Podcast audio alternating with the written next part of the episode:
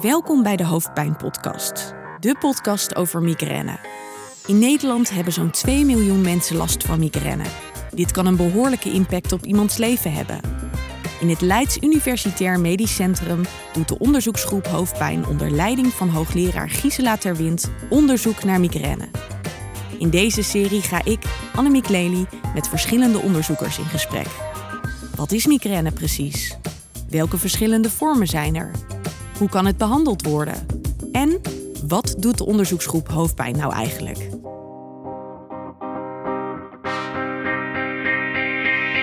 In aflevering 4 van het tweede seizoen van de Hoofdpijn-podcast hebben we het gehad over nieuwe groepen aan medicatie die kunnen helpen bij migraine. En vandaag ga ik het met de familie Terwind van Wely hebben over een groep die misschien beter uitgebannen kan worden, om het heel stevig te zeggen. Ik zit hier namelijk natuurlijk met Gisela, maar ook met Rijn en Floor van Wely. Ja, zoon en dochter van Gisela. En jullie hebben een gezamenlijk familieonderzoek gedaan, heb ik zo gehoord. Maar misschien willen jullie jezelf eerst even voorstellen. Rijn, wie ben jij en wat doe je? Ik ben uh, van Weden, dus ik ben de zoon van Gisela. Ik studeer geneeskunde en ik uh, zit nu in mijn uh, kooschappen. Ik ben nu bezig met mijn wetenschapsstage, wat is eigenlijk onderzoek doen is tijdens je kooschappen. Op de afdeling neurologie, toch? Op de afdeling neurologie en in samenwerking met de anesthesiologie. En Floor, hoe zit dat bij jou? Ik uh, doe nu de master biomedische wetenschappen. En ik heb de bachelor biofarmaceutische wetenschappen gedaan. En nu doe ik ook stage bij de anesthesie, anesthesiologie. It's all in the family, kunnen we echt wel zeggen. Gisela, waarom zitten wij hier?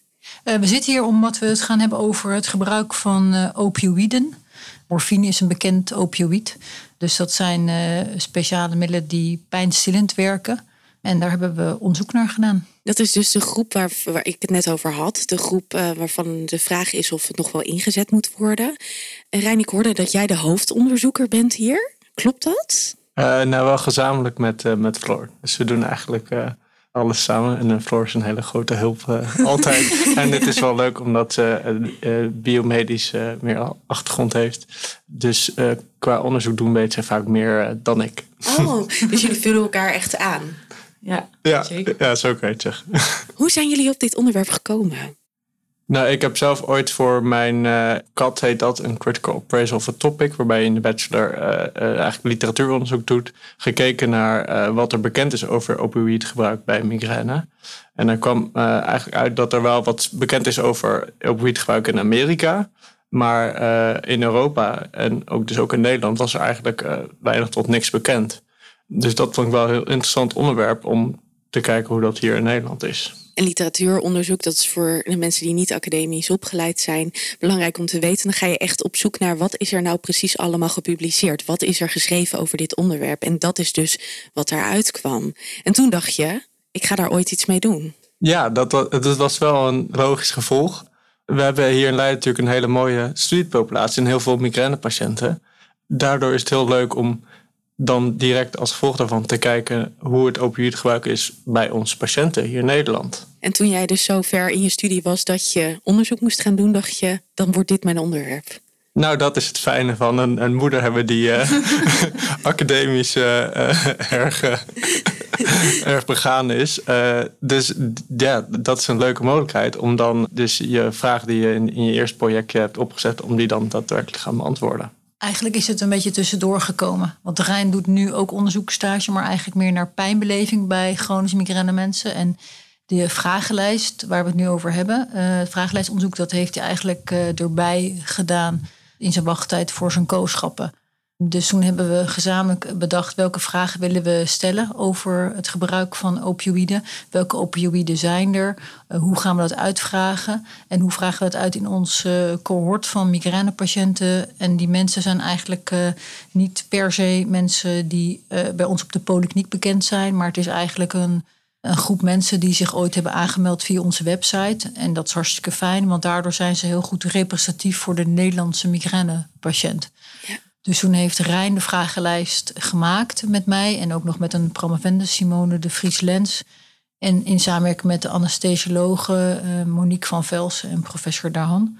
En toen heeft uh, Floor in haar studie, maar daar kan ze op aanvullen, die heeft toen de vragenlijst verder geanalyseerd, de resultaten. Ja, want Floor vertelde mij net op de gang al eventjes dat jij de vragenlijst in eerste instantie ingevuld hebt, toch? Ja, voor nog een, een vorige studie heb ik als migrainepatiënt de vragenlijst ingevuld. Ja, want jij bent uh, de beroemde dochter van Gisela, die al een aantal keer in de podcast ter sprake is gekomen, van de mantra. Ja, precies. dus jij hebt hem eerst ingevuld. Ja. En hoe ben je uiteindelijk bij het project zelf terechtgekomen? Ik moest voor mijn bachelor biofarmaceutische wetenschappen moest ik een, een onderzoek doen. En ik wilde dat eigenlijk heel graag aan het LUMC. En uh, doordat ik dus al wel als patiënt zo'n vragenlijstonderzoek had meegemaakt, leek het mij ook heel interessant om te kijken hoe dat is om als onderzoeker dat te doen. Nou, dat sloot uh, heel toevallig goed aan op wat Rijn al had gedaan en het opioïde vragenlijst die al klaar stond. Dus toen ben ik daar zo uh, ingerold en op die manier de vragenlijsten verstuurd en geanalyseerd. Het klinkt wat dat betreft best als toeval. Dat het toevallig allemaal zo bij elkaar is gekomen dat jullie samen dit onderzoek konden gaan doen. Ja, want soms denken mensen, nou dat zijn dan de kinderen, dus die zullen wel enorm geholpen zijn.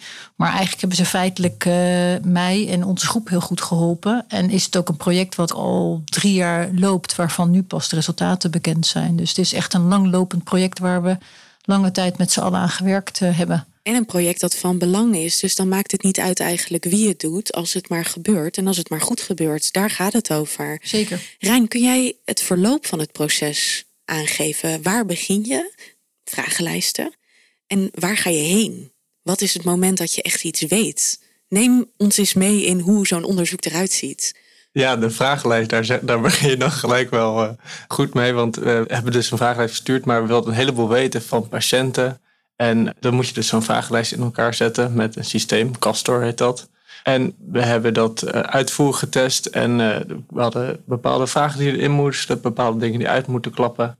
Daar is al een hele, hele lange tijd overheen gegaan voordat je uh, echt zo'n vragenlijst getest en al naar, naar mensen kan sturen. Dat is niet in een dag opgesteld. Nee, dat is nee. niet in een dag opgesteld. Nee, nee dat zijn, ik denk dat we misschien wel 50 testvragenlijsten hebben gemaakt voordat die echt uiteindelijk goed werkt en voordat die verstuurd kan worden. Ja, ja. En wat voor vragen staan daar dan in?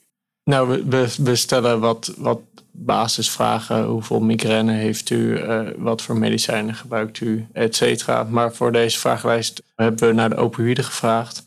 We hebben gevraagd of ze ooit opioïden hebben gebruikt en dan welke. En dan per opioïd nog naar doseringen, met welke reden, uh, wie ze heeft voorgeschreven.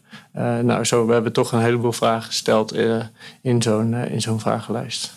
En Floor, maakt het dan voor jou ook uit dat je ervaringsdeskundige bent? Dat je denkt, misschien kan je beter niet zo formuleren, of misschien vergeet je dit om toch ook even te checken? Nou, ik denk wel dat dat, dat helpt. Als ik dan zo'n vragenlijst, dan zo'n check doorga, dan weet ik hoe het is om dat in te vullen als migrainepatiënt. En ja, dat enige dat dat een inzicht kan geven van dit is misschien nog een beetje iets waar ik tegenaan zou lopen als ik dit zelf zou moeten invullen. Ja, dus dat geeft wel inderdaad extra inzichten wat dat betreft. Ja, ik denk het wel, ja. Rijn zei ook al dat het heel fijn is om iemand juist met biomedisch inzicht ook te hebben. Kun je misschien beschrijven wat jouw aandeel dan op, vanuit daar is, vanuit die achtergrond? Ja, nou wat het eigenlijk met dit onderzoek het zo leuk maakt, is dat Rijn is van de geneeskunde en ik dan van het biomedische. En dan krijgt vanuit de geneeskunde meer hoe het is om zeg maar, de patiënten te zien. En ik krijg meer mee hoe zet je een onderzoek op en hoe analyseer je het.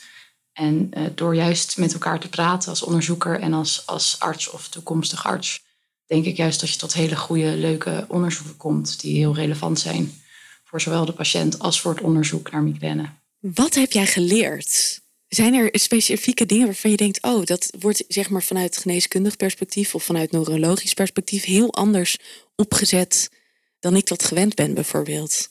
Nou, ik denk dat vanuit mijn opleidingsachtergrond ik anders naar onderzoeken kijk. En naar de, meer de, de, kwaliteit van onderzoek of van hoe, hoe bouw je het op. En al sneller nadenk over wat eruit gaat komen en hoe je daarna dan iets moet doen. Waarbij misschien bij anderen dit pad willen weten, hoe gaan we dat uitvragen, zal ik sneller denken, maar hoe komt het er dan ook uit? Is het iets waar we dan wat mee kunnen?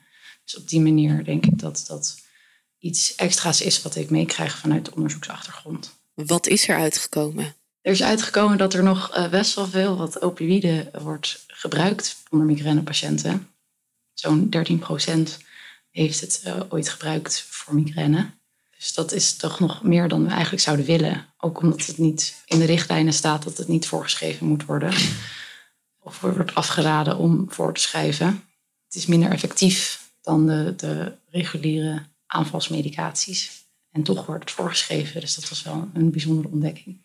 En Rijn, weten jullie ook waarom het voorgeschreven wordt? Nee, dat hebben we niet direct gevraagd in onze vragenlijst. Dus dat is meer dan op basis van klinische ervaring van dokter Terwind en uh, nou, wat, we, wat we horen van migrainepatiënten. Een van de redenen zou kunnen zijn dat een patiënt bijvoorbeeld op de eerste hulp komt met een migraineaanval die ondanks poging tot het behandelen van niet gelukt is. En iemand komt dan op de eerste hulp met veel pijn en die vraagt om een oplossing. En als je dan als arts als pijn behandelt, dan is de normale pijnladder zou zijn, die begint met paracetamol, daarna doe je een NSAID, een ibuprofen bijvoorbeeld. Maar daarna volgen opioïden. Dus als je voor die, die pijnladder volgt, dan zijn, komen opioïden op de volgende plek. Maar dat is dus eigenlijk niet effectief bij migraine. Zeg ik het goed dat je dan dat opioïden echt iets anders is dus dan triptanen? Dat, dat hebben we net geleerd, want dat is echt een andere groep. Maar dat dus eigenlijk triptanen dan beter ingezet kunnen worden dan opioïden. Ja, opioïden zijn een, een hele andere klasse van, uh, van middelen. En wat wij denken is uh, dat uh, in die 13 procent, daar zitten veel mensen die dat dus, waarbij het acuut wordt ingezet. En dat zijn, denken wij, mensen, en dat hebben we ook uitgezocht, die veel zich bij de eerste hulp presenteren op de huisartsenpost. Maar ook bij, door huisartsen en door neurologen wordt het veel voorgeschreven. Melden onze migrainepatiënten uit het cohort. En we denken dat dat mensen zijn die zich waarschijnlijk melden dan op het moment dat een triptaan niet effectief is. En dan zeggen ze help, er moet nu wat gebeuren. En dan volgen ze de pijnladder zoals Rijn ook aangeeft. De normale pijnladder die niet specifiek is voor migraine. En dan gaan artsen toch grijpen naar opioïden, dus morfineachtige middelen. Terwijl de richtlijn eigenlijk zegt dat dat niet verstandig is. En daar zie je ook het verschil met uh, Amerika, waarbij in de richtlijn staat dat voor acute behandeling voor migraine je wel opioïden kan gebruiken. En er wordt veel geschreven door Amerikaanse hoofdpijnspecialisten die zeggen nee, dat moeten we niet doen. Maar ondanks het feit gebeurt dat toch. En in Nederland zie je dat, hoewel in de richtlijn staat, je kan het beter niet doen, het toch nog gebeurt. Dus, Klinkt als een noodgreep. Ja, het is ook denk ik een noodgreep. En daar hebben we natuurlijk ook, dat, dat schrijven we ook in het, uh, in het stuk. Want het is voor de, wij denken dat het voor artsen best wel moeilijk is op het moment dat iemand met acute nood komt, om daar dan nee tegen te zeggen. Dus dan gaan ze toch naar iets grijpen wat niet verstandig is. Of het wordt soms denk ik ook niet altijd goed herkend als een uh, migraineaanval. En dan, dan grijpen ze dus naar de medicijnen die, ja, die voor pijn gel gelden. Dus dat is denk ik, dat wij denken dat dat dus een probleem is. En het tweede probleem is wat we zagen, is dat we hebben natuurlijk niet gekeken wat de doelstelling was van degene die het voorgeschreven had, maar we hebben juist gevraagd aan mensen hoe ze het ingezet hebben. Want we vonden dat juist eigenlijk belangrijk, omdat je vaak ziet dat daar een verschil is. En dan zag je ook dat bij een groot deel van de mensen, die gebruikten die middelen ook uh, preventief en helemaal niet als acuut middel. En dat is al helemaal niet de bedoeling. Dus zorgelijk, ja. Heel zorgelijk. Dus van die 13% van de mensen die het ooit gebruikt hebben, had uh, 11%. Dus een tien van die mensen gebruikten het ook langer dan een jaar. En die gebruikten het ook als preventief middel. En daarmee is het heel erg verslavend, denken wij. En geeft het juist risico op medicatie, overgebruikshoofdpijn. Ja, dat wou ik zeggen, want dat zei Floor natuurlijk ook net. Wat voor risico's brengt het allemaal met zich mee? Als je dit juist bijvoorbeeld preventief gebruikt. Ja, ja ik denk inderdaad de, de verslaving, wat, wat Gisela net ook zei. En de medicatie overgebruikte afhankelijke hoofdpijn die erbij komt kijken als er te veel medicatie wordt gebruikt. Dus waardoor het eigenlijk het risico om een chronische migraine te krijgen alleen maar toeneemt. Dus je bent eigenlijk alleen maar verder weg of verder af van een oplossing als je hieraan begint. Ja, we zagen ook dat mensen, want we hebben de groep ook ingedeeld tussen mensen met chronische migraine en mensen die geen chronische migraine hadden. En dan zag je ook dat de mensen met chronische migraine, dat daar het risico op het gebruik van opioïden veel groter was. En wat we ook wel heel opvallend vonden, bleek dat uh, 2% van de mensen die opioïden had gebruikt, had het ook zonder recept gebruikt. Dus dat betekent dat ze het of in huis hadden liggen of iemand anders had het in, in huis. Zelfmedicatie echt. Ja, dus dan zie je dat mensen dingen uit kastjes pakken of krijgen omdat ze wanhopig eh, zijn. En dat is denk ik juist een slechte zaak. Want dat geeft aan dat we die mensen dan dus deels denken als dokters in de steek laten. Omdat ze kennelijk naar middelen gaan grijpen die feitelijk niet nuttig zijn. Het geeft weer aan hoe wanhopig je je kan voelen op het moment dat jij zoveel last van migraine hebt en de ja, migraineaanvallen ook heel heftig zijn. Rijn, zeggen jullie dan nu schrijf het niet meer voor in relatie tot migraine? In relatie tot migraine, ja. Eigenlijk dat is ook wat, wat in al in de richtlijn staat. Maar dat geeft dus wel weer dat het nog steeds gebeurt in Nederland in mindere mate dan in Amerika. Maar nog steeds wel zodanig dat we daar ons zorgen over maken. Ja. Dus dat is heel duidelijk voor artsen die nu luisteren, huisartsen die nu luisteren. Schrijf het niet meer voor, doe het niet meer. Maar wij weten inmiddels dat er misschien wel een alternatief is. Want uh, in aflevering 4 hebben we het gehad over de opkomst van de G-Pens en de Las Militan. Is dit een alternatief? Zeg ik het goed zo, Gisela? Ja, het zou heel goed een alternatief kunnen zijn. Want we hebben toen ook gehad dat sommige mensen niet goed reageren op triptanen. En het wil niet zeggen dat die mensen altijd niet goed reageren op een triptaan. Maar het kan zijn dat ze soms niet goed reageren op een triptaan. En ik denk dat het belangrijk is dat wij als dokters met patiënten dat bespreken, voorbespreken zodat op het moment dat het gebeurt, dat je dan in je, niet in je wanhoop naar de eerste hulp gaat als migrainepatiënt. Want dat heeft dus feitelijk eigenlijk niet zoveel zin. Maar dat je de alternatieven al in huis hebt. En een alternatief kan zijn dat je bijvoorbeeld uh, sumatriptan injectie in huis hebt.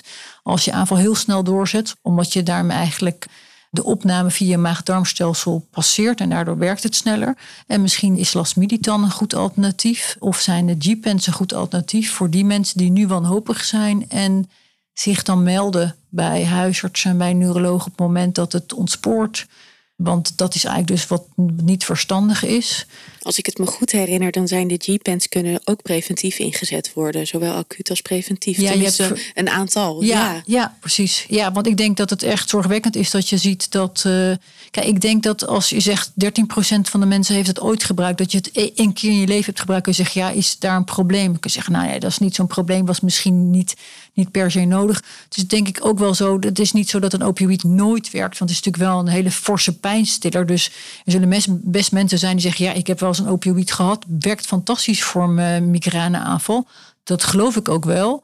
Maar het gaat om het gevaar van de verslaving die eraan zit. En daarom is het niet een prettig middel om in te zetten. En het is niet specifiek voor migraine. En dat is onverstandig. En tegelijkertijd hebben wij het wel eens over, ook wel eens met Rijn, want Rijn heeft natuurlijk ook zijn huisartsenkooschap gelopen, dat voor huisartsen wel moeilijk is om nee te zeggen als iemand komt. En je wil helpen. Ja. Zijn er ook afkikverschijnselen, Rijn? Mocht je hiermee beginnen, want als het verslavend is, ik ben geen expert op de afkikverschijnselen van opioïden, maar het is een heel verslavend middel. Als je alleen nog naar Amerika kijkt, is dat heel erg nu aan de gang met echt sterke opioïden. Fentanyl is een, heel sterke opioïd. Volgens mij is het honderd keer potenter dan morfine. En daar raken mensen gewoon verslaafd aan, net als aan heroïne. Als je echt verslaafd bent en daarmee stopt, dan krijg je wel forse afkikverschijnselen. Ja. ja, dat willen we echt niet. Stop ermee. ik ben heel benieuwd. Is het onderzoek nu afgerond, Floor, of gaan jullie door? Nou, de, de, de vragenlijst zoals we het nu hebben is, de, is, is nu rond en geanalyseerd en onze conclusies zijn eruit. We zijn natuurlijk ook met andere studies bezig, zoals de koopstudie. De koopstudie is een studie waar we kijken naar de medicatieafhankelijke hoofdpijn en hoe de pijnbeleving is. En dan kijken we naar migrainepatiënten vergeleken met controles, maar ook naar als er migrainepatiënten zijn die chronische migraine hebben en overgebruik aan medicatie, of dat een afwijkend pijnprofiel geeft. En of zij, als zij dan stoppen met medicatie, daarna het pijnprofiel weer herstelt. Dus dat is een onderzoek waar we nu mee bezig zijn, wat daar hopelijk uh, leuk inzicht in geeft. Wat er nou precies gebeurt tijdens die chronische migraineperiode. Ik denk wel dat dingen zoals uh, deze podcast dat dat wel belangrijk is om inderdaad aan daglicht te brengen. De, de zorgen die het met zich meebrengt, wat we hebben gevonden. Ik denk dat in dat opzicht we daar nog wel uh, in kunnen groeien. Met het, inderdaad de uitleg naar de patiënt, de uitleg naar de artsen dat opioïden niet uh, de juiste weg is voor migraine. Spread the word. Ja, en daar zijn we nu eh, mee begonnen. Dank jullie wel allemaal. De Leidse Hoofdpijngroep is altijd op zoek naar mensen die mee willen werken aan wetenschappelijk onderzoek. Ben je geïnteresseerd? Meld je dan aan via hoofdpijnonderzoek.nl/slash formulier. Deze podcast werd gemaakt in opdracht van de onderzoeksgroep Hoofdpijn van het Leids Universitair Medisch Centrum. De presentatie en inhoudelijke montage is in handen van Annemiek Lely. De eindmontage en mixage werd door popupodcast.studio gedaan. De podcastserie werd mede mogelijk gemaakt door Pfizer, Teva, Novartis, Lundbeck, Lilly en Epvi.